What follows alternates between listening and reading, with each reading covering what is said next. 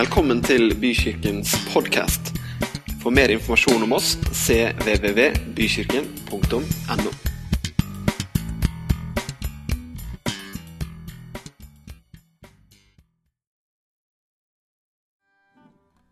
Takk, Jesus, for at det ikke er noe vi har funnet opp. Det er ikke noe vi har funnet på. Det konseptet med deg det er ikke noe vi har skapt. Du er vår Gud. Du har skapt oss, Herre. Du har skapt livet. Du har skapt verden vi lever i. Du har skapt alt det vi omgir oss rundt eh, og med og, og har rundt oss. Herre, takk for det. Takk for det du har gitt oss av kjærlighet, av liv og glede. Framtidshåp. En grunn til å leve. Jesus, tusen takk skal du ha. Takk for at du døde på det korset for oss. At du tok bort all skyld, all synd, all vondt i vårt liv. Og tok det på deg i stedet, Herre. Den største gave vi noen gang kunne få, Herre. Tusen takk. Mm. Amen. Amen. Så hyggelig å se dere, folkens. Uh, og ja, takk, altså. Takk, altså. Det var det jeg fiska etter. Fisk, litt sånn respons der allerede. Skal vi se. Det er fint. Uh, ja, jeg ser det jo egentlig ikke når alt kommer til alt.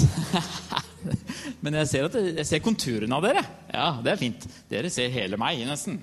Det er også sikkert fint, da. Men jeg håper du slapper av. Håper du uh, har kommet godt i gang med søndagen. At du, er, at du er klar for denne dagen her. Jeg vet ikke hvordan det er med deg, men Av og til så må jeg liksom gjøre meg klar for en dag. Og dette har vært en sånn dag som jeg må gjøre meg klar for når jeg skal stå her og snakke. da. Så jeg, For å holde meg, stå opp litt tidlig i dag, og sånn, for å holde meg våken, så gikk jeg ikke for kaffetrikset, jeg gikk for Skittles-trikset. Jeg kjørte på med sånn Skittles, sånne runde, små greier. Og Det funker veldig bra akkurat der og da, men så blir man sånn trøtt etterpå. Så hvis jeg sovner mens jeg snakker i dag, så er det det som er grunnen. Det er ikke, ikke dere som er grunnen i det hele tatt til det. Dere, vi lever i en tid eh, der vi kan unne oss den luksusen av å finne ut hva som bor i oss. Der vi kan unne oss luksusen og jage etter talentene våre. Jage etter hva er det vi er flinke på. Utvikle talentene, utvikle oss sjøl. Finne ut hva vi er skapt til. Vi lever i en tid der, der, vi får lov til det. Er ikke det ganske utrolig? Du skal ikke langt tilbake i tid da, før det ikke var en selvfølge i det hele tatt. Der, der det handla faktisk om å overleve. Det var det du var skapt til. Det var å overleve, Sørge for at det kom nok mat på bordet. At man klarte å få tak i ingrediensene som gjorde at barna fikk spise i dag.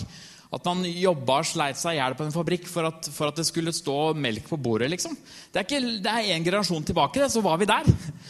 Og så er vi plutselig her nå, der vi kan utvikle oss sjøl. Vi, vi, kan starte på kulturskole som femåring. ikke sant? Vi kan, vi kan uh, spille fotball fra ung alder. altså Alle disse tingene vi har lyst til å holde på med, da, det kan vi utforske så innmari tidlig. Det er kult, da! Er jo, vi er utrolig heldige. Og det tror jeg vi må ta litt sånn innover oss. Det er det jeg egentlig skal snakke litt om i dag. Jeg har en overskrift som, som rett og slett heter 'Ekte storhet' er overskriften min. Så skal vi liksom komme dit etter hvert. Men vi bare liksom stoppe litt først opp med, med, med dette med å liksom jage etter talent, jage etter å bli best i noe. For det er det veldig mange av oss som ønsker. da. Vi ønsker å bli best i noe. Jeg er fotballtrener for seksåringer. Og når jeg spør liksom, hva skal dere bli, jo, da skal de bli like gode som Messi. Det er på en måte målet. ikke sant? De har et vanvittig høyt mål, da. og jeg sier ikke det til dem at dette jeg tror kanskje du skal sikte mer på sånn sikte på litt mer sånn på uh, Jeg vet ikke hva slags nivå man skulle sikte på engang. Uh, sikte litt lavere enn Messi, i hvert fall. Uh, Gøran Sørloth, kanskje. ja. Han var en av de beste møtende spissene faktisk, i sin tid. Han var god møtende spiss. Men, men, det ligger så veldig latent i oss at vi skal bli best. da. Når du spør denne seksåringen om det, som du nesten ikke visste hadde hørt om Messi engang, og vi elsker jo mennesker som er innmari flinke i noe, som har liksom dyrka fram det beste i seg sjøl. Vi elsker det jo. Vi ser på TV, vi bruker masse tid i hvert fall noen av oss da, bruker masse tid på å følge idrettsheltene våre, på å følge uh, musikalske stjerner, på å se filmer med skuespillere som bare har de prestasjonene. Vi elsker det! Vi ser på talentshow. ikke sant? Vi har gjort det i 20 år nå snart. Idol og Norske Talenter og alt mulig rart. Og det er jo gøy. Det er jo veldig gøy å se på norske talenter. Nå har vi begynt med det med ungene våre. Vi sitter og ser på, Skjønner ikke alt hva de holder på med av og til, for det er noen ting som er litt sånn rart, eh, og noen ting som er fint. Men vi ønsker å liksom få se disse menneskene som, som finner det beste i seg sjøl, som blir de beste. Det er kult. Når jeg ser på sånne talentshow, da, så blir jeg blir jeg veldig imponert av ting jeg ikke kan noe om også. Som dansing, f.eks. Jeg kan ikke noe om dans, men jeg ser at disse er fryktelig flinke til å danse. Og så må jeg innrømme at det stikker litt når jeg ser på noe som jeg kan litt om. da. Som for eksempel, jeg spiller jo litt trommer. Når jeg ser en tiåring liksom bare være utrolig god på å spille trommer, mye bedre enn jeg noensinne har vært i nærheten av å være, så er det litt kult og litt vondt. Er dere litt sånn også? Når dere ser noe, Jeg vet at uh, Stian er det, for jeg sender ham noen sånne bassvideoer innimellom. Bare for å holde han litt nede òg. Eh, men, men, vi er litt sånn som mennesker. da. Selv liksom jeg har blitt 35 år, eller jeg, kanskje jeg tror jeg er eldre enn det òg. Jeg har blitt, 6 år, blitt, 36 år og på en måte tenker at nå har jeg fått balanse i livet og vet hva jeg skal liksom jage etter, og hva som, som, på en måte bare kan slappe av i. og sånn. Allikevel ble jeg irritert av den tolvårige jente fra Japan som spiller fletta meg. Det er jo kjempeirriterende. Så, så, det blir sånn konflikt. da. Men at du går der og tenker litt på Ok, jeg hadde kanskje talent til noe, så nå har jeg jo kommet litt opp i åra der det, jeg er ikke talentfull lenger. Det, det, er slutt på å kalle Gunnar for talentfull. Nå må, jeg på en måte, nå må jeg virkelig vise potensialet mitt. Nå må jeg leve ut det talentet. Nå er det slutt med å, med å utvikle meg. Nå må jeg på en måte bidra med et eller annet. Så man kommer liksom til en alder da, der man faktisk må, ja, må leve det ut. da. Så ser vi også at Norske Talenter er litt sånn Det er flere enn meg som har sett Norske Talenter. Ja, Dere har vært innom det programmet. Og det, det, som er litt kult med det, er at Plutselig så dukker det opp en sånn dansegruppe med 60-åringer og 70-åringer. og sånn. Det er veldig gøy. det er på men, men det er mer sånn søtt enn det er uh, vakkert. er det lov å si? Det hadde jeg ikke planlagt å si. Men, ja, men det er jo litt sånn er, Vi, vi syns det er kult at de er på scenen, også, men ikke, du betaler ikke 300 kroner en fredag kveld for å gå og se de danse. ja, all ære til de, altså. Men, men, men, man har liksom kommet til et punkt der man på en måte, det du har lært, det er det du kan uh, leve ut. Jeg har ofte tenkt hvordan er det å være best i verden til et eller annet? Hvordan føles det? Jeg har jo aldri opplevd det. Får aldri oppleve det heller. Men eh, det fins noen da, som er best i verden til noe. Hvis jeg skulle valgt noe, så tror jeg jeg ville prøvd å gått veldig spist. Gjort noe som ikke så mange andre gjør. For noen år siden så var meg og kona på, sånn, eh, på Farris bad, på sånn spa. Det var kjempehyggelig og fint. Og så, så kom det noen bort til oss og sa vet du hva, nå skal vi snart samles i en badstue her borte. Og da skal norgesmesteren i eh, håndklekasting komme. Jaså? Av en eller annen merkelig grunn. Altså, inni meg så, så, så, bare ropte det nei. Gunnar, ikke bli med på dette. Men eh, Kristin hadde lyst, da. Til å gå og se på hvordan det var. Og, altså, det var ikke håndklekasting, men det var håndklefekting, egentlig. Eller altså risting. Uh, så, så, vi Ok, greit, vi kan gå dit. Og så, uh, så, så, går vi dit. Og jeg var ikke helt forberedt på hva jeg skulle se. Det var, det var ganske få folk på Farrisbad, så jeg trodde ikke det skulle være så mange der. Men når vi kom dit, så var det helt fullt i den badstuen. Og det som viste seg, var at der var det valgfritt om du skulle ha på klær eller ikke. Vi hadde jo hatt på oss klær eh, på dette badet, men det var tydeligvis eh, flere som ikke trengte det inni den badstua. Da var jeg veldig mye nærmere å rygge, og vi var, vi, var liksom, vi var, det siste inn. Så det var ganske fullt. Og bare det å finne et sted å sitte som liksom ble noenlunde komfortabelt, var jo kjempevanskelig.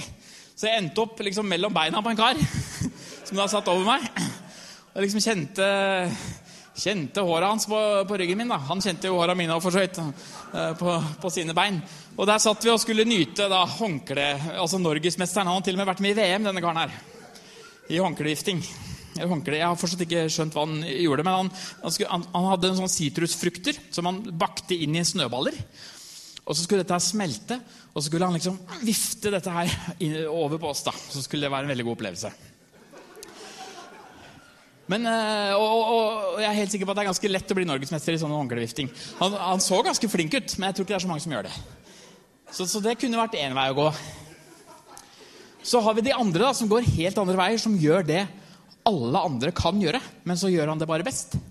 Det fins én idrett som alle mennesker i hele verden er kapable til, og det er løping. Sprint. Usain Bolt han er verdens raskeste mann.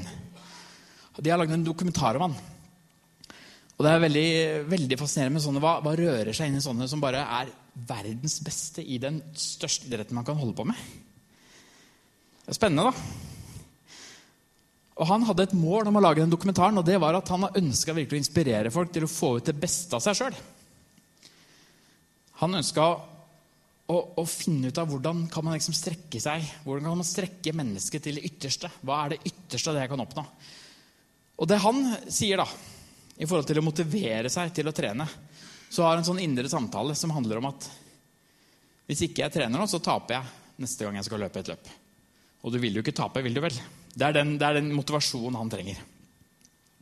Disse heier vi på, disse idoliserer vi egentlig. Vi følger med på alt det de gjør. Og så kommer man da i en slags skvis, kanskje. i hvert fall. I hvert fall har jeg gjort det i hodet mitt. For hvordan møter vi dette her i kirka? Hvordan møter vi dette med å ville bli best i kirka vår? Hvordan snakker vi om dette temaet? Hvordan snakker vi om det å ønske å ville være stor? Og hvordan er det for de, og kanskje du også er i dag, som vanligvis ikke går i kirka, men som kommer inn i et miljø der man liksom Så Hva slags forhold har vi til dette her? Det syns jeg blir litt interessant å se på i dag. Og jeg må innrømme at jeg har hørt på noen som har snakket om det samme temaet, så det er ikke bare mine tanker i dag. Fordi Jesus snakker litt om storhet, nemlig. Jesus forholder seg til mennesker som har ønske om å være store. Og Når man eh, skal lese disse versene som vi nå skal gjennom, så har vi jo sett på de noen ganger før. veldig mange av oss i hvert fall. Så tror jeg kanskje at vi av og til har hengt oss opp litt, litt feil del av setninger. og sånn, Så jeg har bare lyst til at vi skal gå gjennom en historie fra Matteus 20, vers 20-28. Da er det da eh, noen av disiplene som kommer bort til Jesus. Eh, så står det her Da kom Sebedeus-sønnenes mor til ham sammen med begge sønnene, altså til Jesus. Kastet seg ned for ham og ville be ham om noe. Hva er det du ønsker? spurte han. Hun svarte, si at disse to sønnene mine skal få sitte ved siden av deg i ditt rike. Den ene på høyre og den andre på venstre side. Det er, eh, det er frimodig mamma, altså. Jeg lurer på sjøl hvordan det hadde vært hvis mammaen min skulle blitt med til sjefen min på jobben. Og liksom sagt, du, jeg har med sønnen min her. Han har lyst på, litt, uh, han har lyst på en sjefsstilling. kan du gi han det, eller? Han er kjempeflink. Ja, det syns jeg har vært veldig flaut. Må jo si det. Det er ingen av oss som har lyst til å ha med mødrene sine på jobb for å liksom, eh, si hvor, hvor, flinke de er. Så dette er ganske sånn djervt, altså. Det er veldig sånn tøff. Og så er hun også uh, på en måte litt sånn ydmyk, for hun kaster seg jo ned for Jesus. Det står at hun kaster seg ned for ham. Men hun ber om noe ganske arrogant. da om at mine sønner skal få de beste plassene i himmelen. Men her står i hvert fall Jesus overfor mennesker som ønsker storhet i hans rike. Ok, Da skal vi se hvordan Jesus svarer på det. Dere vet ikke hva dere ber om. Kan dere drikke det begeret jeg skal drikke? Det kan vi, svarte de. Jeg vet ikke om de visste helt hva de svarte på der. Beger jeg skal drikke jeg, jeg, jeg var veldig rask på der. Det kan vi. Det går fint. Eh, og så sier faktisk eh, Jesus at 'mitt beger skal dere drikke'. Men hvem som skal sitte ved min høyre eller venstre side, er det ikke min sak å avgjøre. Der skal de sitte som min far har gjort i stand for. Og når Jesus snakker om dette begeret, så så snakker han om offer. Jeg tror det er ganske lett å tenke når man ser en idrettsutøver bare pese av gårde som Marit Bjørgen, som vinner alt. Det ser så lett ut. Det, det, det, ser så innmari lett ut for henne å oppnå storhet, for hun er så suveren. da. Hun er jo helt uh, nesten umenneskelig. ikke sant? Hun banker jo alt og alle hele tida. Og det gjentar seg egentlig alt vi ser på av storhet. Så ser vi, så ser vi sluttproduktet hele tiden. ikke sant? Vi ser hvor lett det er for de når de har kommet til det punktet. Ser så innmari lett ut. Og, og, når du ser Kristoffer spille tromme, f.eks. Det ser så lett ut. ikke sant? Det høres så, det, det, er liksom så lett. Men det er jo ikke sluttproduktet som er grunnen til at det er lett. Det er alt det han har ofra, det er alt det folk har gitt av uh, tid, av effort, av, av slit og svette og tårer og motgang og alt mulig rart. Det er jo der, det er jo der man blir stor. Det er gjennom å gå gjennom de tøffe periodene der du bare må trene likevel, der du har blitt skada, men du, du, du, allikevel så må du spise riktig, du må gjøre det riktig, legge deg riktig. Hele tiden da, så har du en selvdisiplin, en offervilje, som er helt enorm. Jeg har vært så heldig at jeg fikk jobba på en dokumentarserie om, om idrettsutøvere. Eh, Så jeg ble litt kjent med Jon Olav Koss, og jeg ble litt kjent med Daniel Frank og eh, Sinne Okparaebo, som fortsatt er aktiv. Og den der liksom, vanvittige gutsen de hadde på å bare gjennomføre. Den neste treninga er den viktigste. ikke sant? Vi må opp igjen i dag. Vi må spise bedre, vi må spise riktigere. Altså, Den der vanvittige kampen for å bli best, den ser vi ikke så ofte. Vi ser veldig ofte resultatet, men vi ser ikke kampen. Og Det er jo den kampen her Jesus også snakker om når han snakker om storhet i sitt rike. Så er det offervilje han er ute etter. Det å ofre seg sjøl er med på å definere storhet i hans rike. Og så er jeg også litt fascinert av at, at han, han, han unnviker jo ikke spørsmålet. Det er ikke sånn at han dropper det spørsmålet og sier at det er ikke viktig. Det er ikke viktig hvem som er størst. Han sier, han sier faktisk ikke det.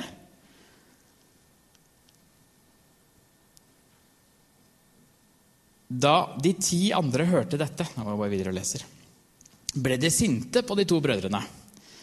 Men Jesus kalte dem til seg og sa, dere vet at folkenes fyrster undertrykker dem, og stormennene deres styrer med hard hånd. Men slik skal det ikke være blant dere. Den som vil bli stor blant dere Og der går vi veldig ofte til den siste delen av setningen. Skal være tjeneren deres. Så her må vi bare ta en liten pause, for vi hopper så veldig fort over denne ambisjonen om å bli stor. For han, han, han, anerkjenner faktisk det at mennesker har lyst til å være stor. Altså, Vi vil jo være store. Vi vil ha storhet i livet vårt. vil ikke det? Det er litt sånn rart å si 'jeg vil ha storhet', jeg vil være stor. Jeg går ikke ut og sier det, for jeg er norsk. og sånn. Men, men, men, jeg må jo innrømme på at jeg kjenner på at jeg har lyst til å utnytte potensialet i meg. Er det ikke sånn hos dere òg? Du har jo lyst til å få ut det beste av seg når man lever på denne jorda her. På alle mulige måter. Ja, Kevin er veldig på der. ja. Sånn vi, vi vil jo det. Vi vil jo få ut det beste i oss. Og så tror jeg kanskje vi har vært veldig fokusert, og vi skal være fokusert på det også. Men dette med at skal være tjeneren deres. Den som vil bli stor blant dere, skal være tjeneren deres. Og Vi hopper altfor fort over på den biten, tenker jeg. Og så skal vi alle være tjenere, og det skal vi være. Men faktisk så er det relevant for den som vil være stor. Den skal være opptatt av å være tjener. Så det, det starter egentlig med at du vil oppnå storhet. Det er på en måte spørsmålet til Jesus. Hvordan, hvordan blir jeg stor? Og det er helt greit å ha det spørsmålet. Det syns jeg er litt fascinerende. Fordi i kirkesammenheng så tror jeg kanskje vi ofte har liksom Det er fint, vi skal ha all ære til Gud. Utrolig bra, det. Men det er likevel lov å anerkjenne at Julie er flink til å synge. Ikke sant? Det, det, det er lov å si det. Det er lov å si at du er søren meg flink til å synge. Og det gir en følelse for oss da, når folk bruker det talentet, når man bruker gavene sine så, så, så, blir det en ny verdi i det også. For da er det ikke bare Julia som står der, men hun står der på, for å ære Gud. Da. da kommer det et nytt perspektiv inn i det. ikke sant? Men det betyr ikke at man ikke har lyst til å være flink til å synge. Man har faktisk lyst til å, Jeg tror Julia har lyst til å være flink til å synge. Ja, Hun har lyst til å være flink til å synge, dere. Ikke noe sjokk i det hele tatt. Jeg har lyst til å være flink til å kommunisere. Jeg har lyst til å være flink til å snakke. Oh. Ikke at jeg fiska etter det. Jeg vet ikke om det ble med på podkasten. Det var litt eh, Vi må begynne å mikke opp salen. Så vi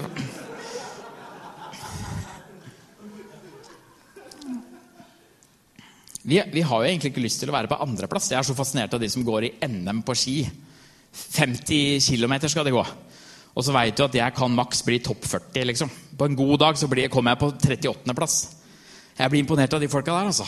For det, det, er ikke, det, er ikke, noe hvilehjem å komme på 38.-plass i NM. Det kan jeg love deg. Aldri prøvd, men jeg kan love deg det.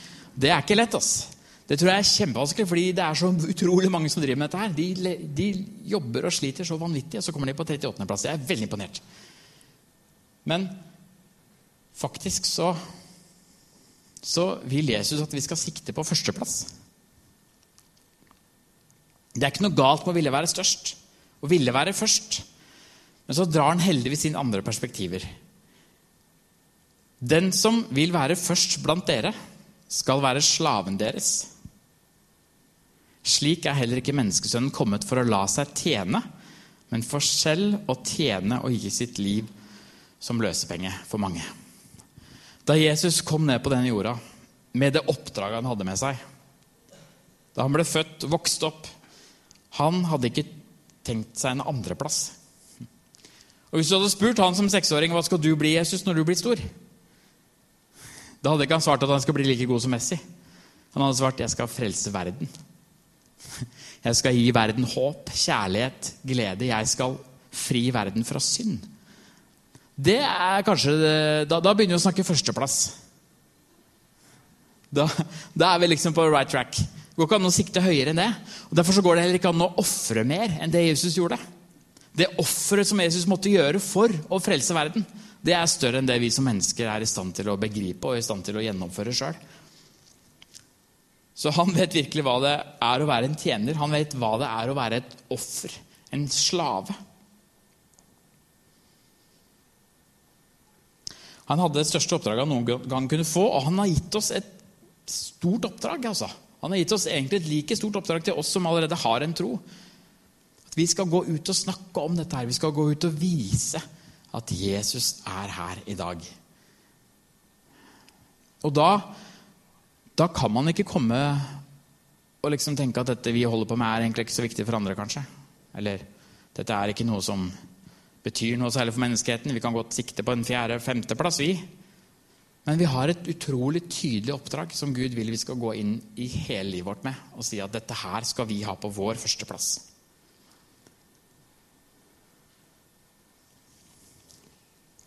Og så kommer det en samtale til.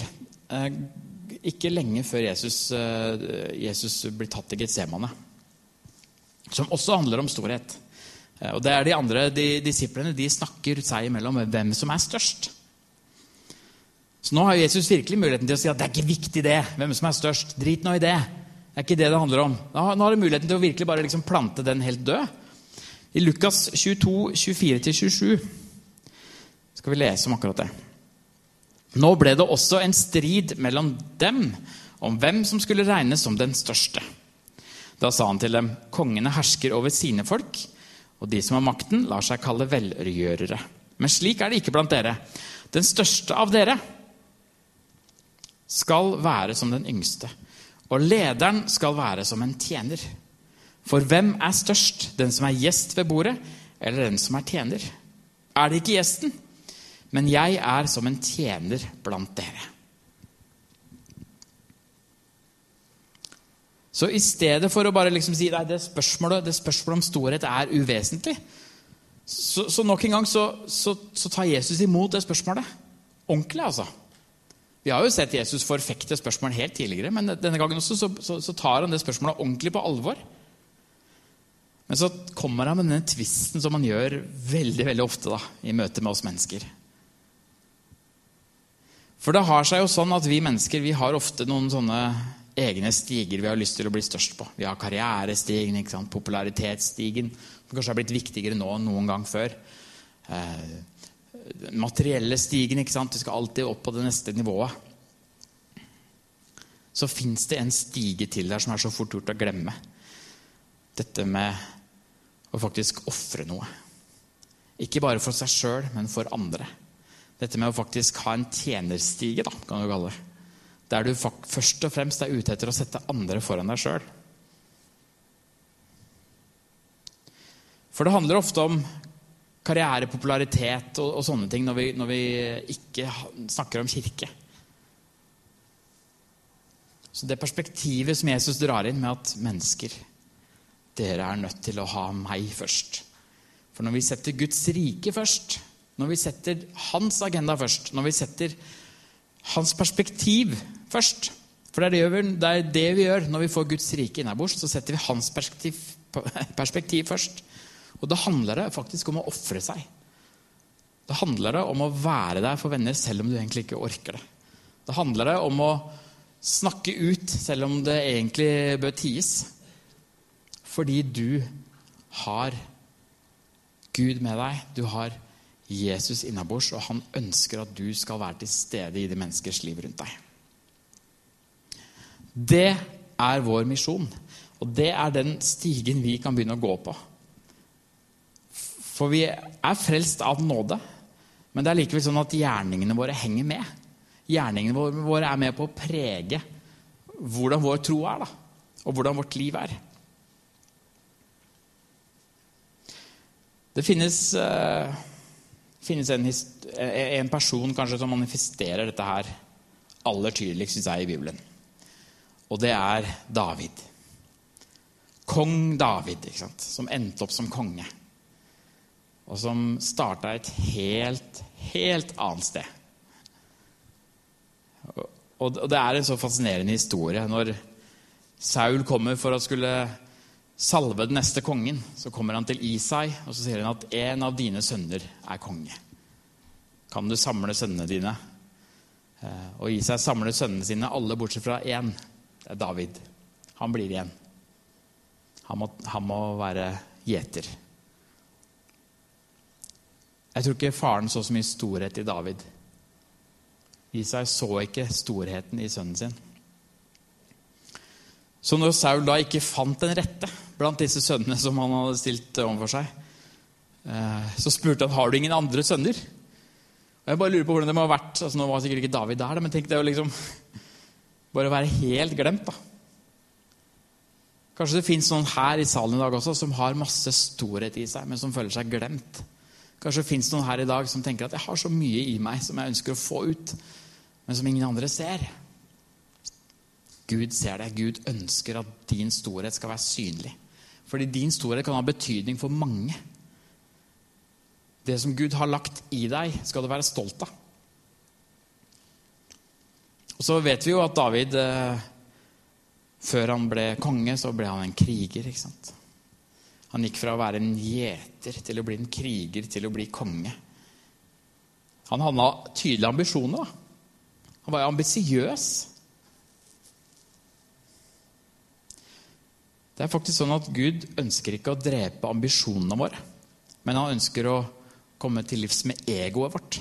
For når vi klarer å bli kvitt egoet vårt og ha ambisjoner, så blir det rene ambisjoner. Da blir det faktisk til beste for andre og ikke til det beste for oss sjøl. Hvis jeg hadde på en måte hatt ambisjoner om å bli god til å prate bare på mine egne vegne, så eh, Ja, sikkert greit nok det, men, men når jeg har lyst til å faktisk komme med ord om håp, da, med ord om en Jesus som lever i dag, med håp for mennesker som ikke føler seg sett, til at det fins en Gud som ser akkurat deg, da blir det litt sånn regnere, er det ikke enig i det? Da blir det ikke, da blir det ikke en egotripp, men det blir et ønske om at Gud skal bruke meg. Og det er det han ønsker å gjøre med dine ambisjoner. Han ønsker å ta dine ambisjoner, ta vekk egoet i livet ditt, og så rendyrke det han har av ambisjoner hos deg. Gud ønsker storhet i ditt liv. Gud ønsker at du skal ha eh, Hva heter det? Eh, en, eh, ikke, jeg har ikke lyst til å bruke ordet aura her inne.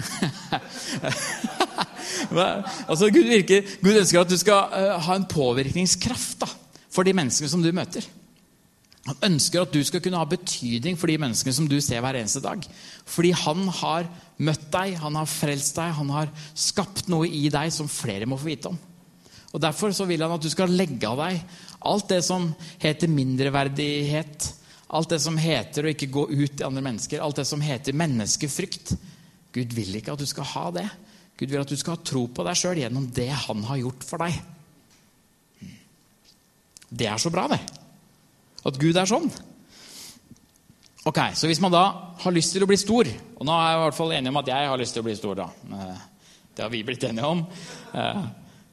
Så skal vi bare dra en litt sånn krasjkurs i hva det vil si å, å, bli stor i Guds rike. For det handler jo rett og slett om å tjene. Og hva gjør en tjener? Jo, først og fremst Det første en tjener gjør, det er jo å ofre noe i seg sjøl. Han ofrer egentlig sin egen frie vilje. da. For når du er en tjener, så, så er du underlagt en, an, en annens vilje. Så du, du ofrer vilja di. Det er det første du må gjøre. Du må si at min vilje er faktisk ikke den viktigste. Og En annen ting en tjener virkelig må gjøre, det er å lytte til behov. Hva slags behov har menneskene rundt meg som jeg skal tjene? Hva slags behov er det der ute? Er det noen som er ensomme? Er det noen som uh, ikke blir sett? Er det noen som trenger noen å spille squash med? er det noen som som eh, trenger en gjeng å være sammen med. Det er mye ensomhet der ute, altså. Det er mye folk som ikke vet hva de skal gjøre fra dag til dag fordi de ikke har noen å møte. Så må lytte til behov. Og det, for å lytte til behov så må du være nær. Du må være nær mennesker, nær andre mennesker. Hvis du skal være en tjener, så må du faktisk være nær mennesker som trenger deg. Og Det er også en utfordring vi har i dag, med all tida vi bruker på egne ting som jobb og familie og familieliv. Og du skal selvfølgelig være der for barna dine, du skal være der for familien din. Men for at du skal ha en effekt, da, for at du skal kunne være en tjener, så må du lytte til andres behov. og Da må du være i nærheten av dem. Og så må en tjener faktisk gjøre noe med de behovene. Det er ikke nok å identifisere behovene. Liksom, ja, jeg ser at du trenger eh, en tallerken. Hvis du ikke gjør noe med det, så, så har du mista aspektet med det å være en tjener. En tjener må gå inn og faktisk gi fra seg denne tallerkenen. Hente tallerkenen, dekke på bordet, sørge for at uh, det er nok eh, mat på tallerkenen og, og nok eh, drikke i glasset. Det er helt sånn basic need en tjener har. Man må faktisk gjøre noe med behovene. Man må fylle behovene. Og en tjener må sette andre mennesker foran seg sjøl.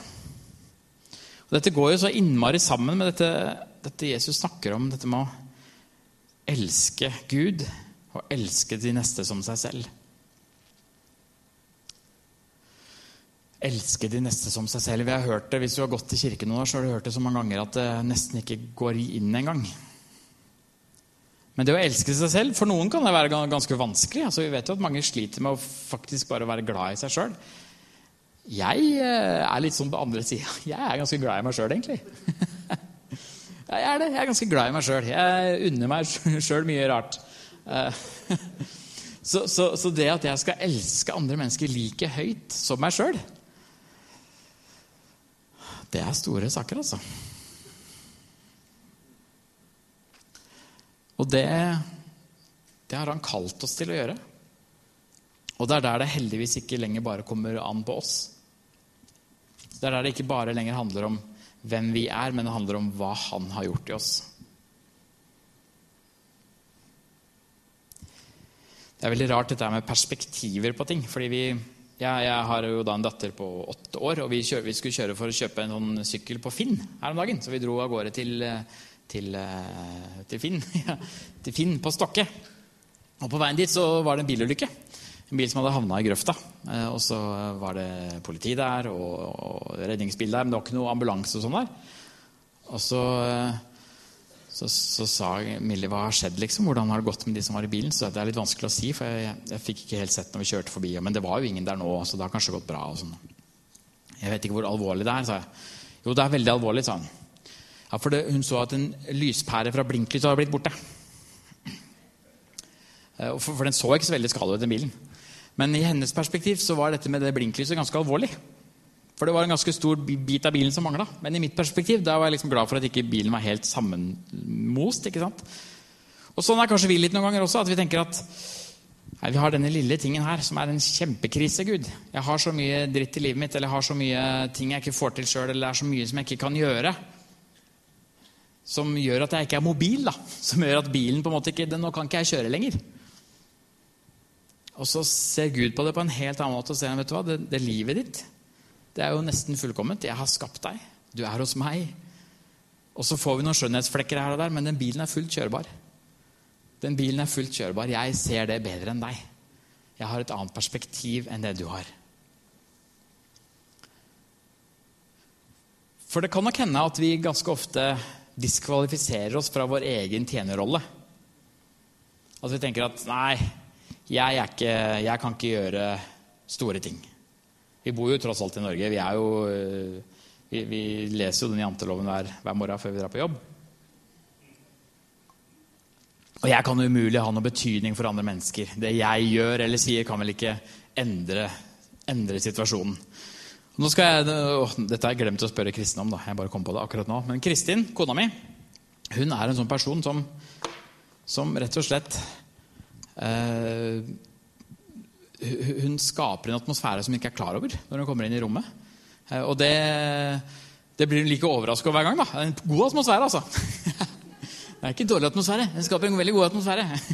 Så, så, på jobben og sånn, så får hun hele tiden skryt for at hun tar initiativ og er til stede for andre og bryr seg om folk. Og, bare sånn lite eksempel når de var på sånn arbeidstur jobbtur til Spania. Det er noen som har det, si. Eh, og da, da, var det en av disse damene som hun dro sammen med, som hadde flyskrekk. Som var så livredd for å gå på flyet.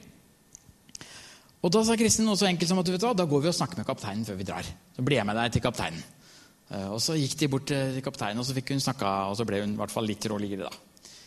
Eh, og det hadde ingen andre gjort.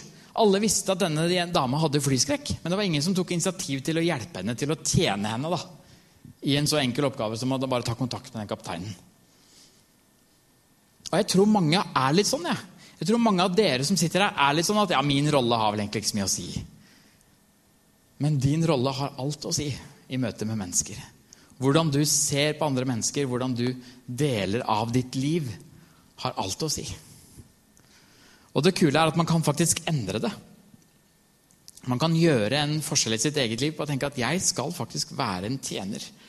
Man kan bestemme seg for at det jeg har i livet mitt, det kan jeg få lov til å dyrke. Yes, det kan jeg få lov til å skape noe ut av. Men kun fordi jeg har lyst til å tjene verden med det. Fordi jeg har lyst til å tjene menneskene rundt meg med det.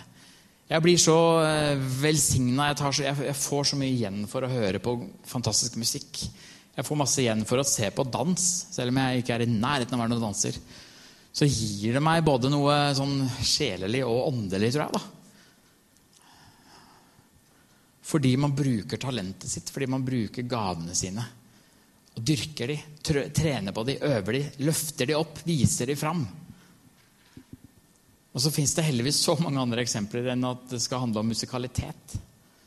Det handler ikke bare om de kreative yrkene, men det handler om hverdagen din. Hvordan kan du være stor i din hverdag? Hvordan kan du løfte opp tjenerskinnet i din hverdag? Hvordan kan du bety noe for de menneskene rundt deg? På hvilken måte kan Guds storhet i deg bli synlig i hverdagen? Det er utrolig viktig spørsmål da, hvis vi skal ta dette Gud sier, på alvor. Og du kan gå for å bli størst. Du kan gå for å bli den beste utgaven av deg sjøl. Men du skal få slippe å gjøre det i en sånn derre krampeaktig treningsmodus. Men du kan gjøre det gjennom Gud. Du kan bli den største personen du kan være gjennom det Gud har i deg. Skal vi få opp lovsangstime?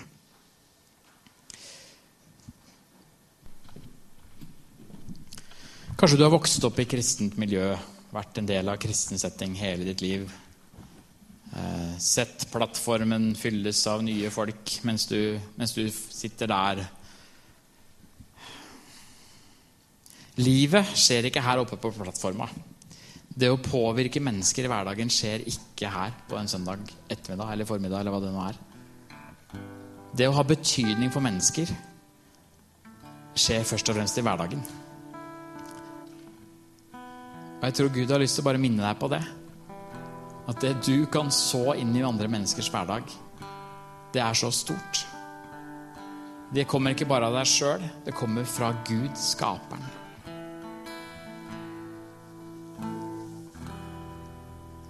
Så jeg håper du kan ta til deg det. Du kan få lov til å utvikle deg sjøl. Selv. selv om du har passert 60, begynn gjerne i dansegruppe. For min del, altså. Utvikle, det er viktig å, å, leke, det er viktig å utvikle seg. Det er viktig å, å, være til stede i livet, for det er så sentralt for oss da, for å leve. At man faktisk gjør noe, kommer seg ut. Det er kjempeviktig. Men ha med deg tjenersinnet. Utvikle først og fremst tjenersinnet ditt ved å se andre mennesker først. Ved å ofre noe for andre. Ofre noe for menneskeheten. Og der strekker vi til kort, og der kan vi bare komme til Gud og be Han om hjelp. Så Jesus, takk for at vi får tilhøre deg. At vi får ta imot ditt liv uten å legge til noe sjøl. Det kan ikke vi gjøre noen ting med. Det du har gjort for oss, det du har gjort gjennom å frelse oss, gjennom å dø for oss, gjennom å ta bort synd og skyld, det kan ikke vi legge til noe på. Men Jesus, du sier at vi kan bli størst i våre liv gjennom å tjene. Og Herre, vi ønsker å tjene deg, og vi ønsker å tjene mennesker.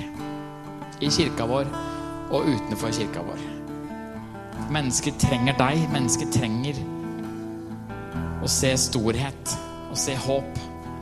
Det største håpet av alle er deg, Herre. Og Vi ønsker å vise hvem du er gjennom å være oss sjøl. Vi ønsker å vise hva du har gjort for oss gjennom å leve det beste ut av oss sjøl.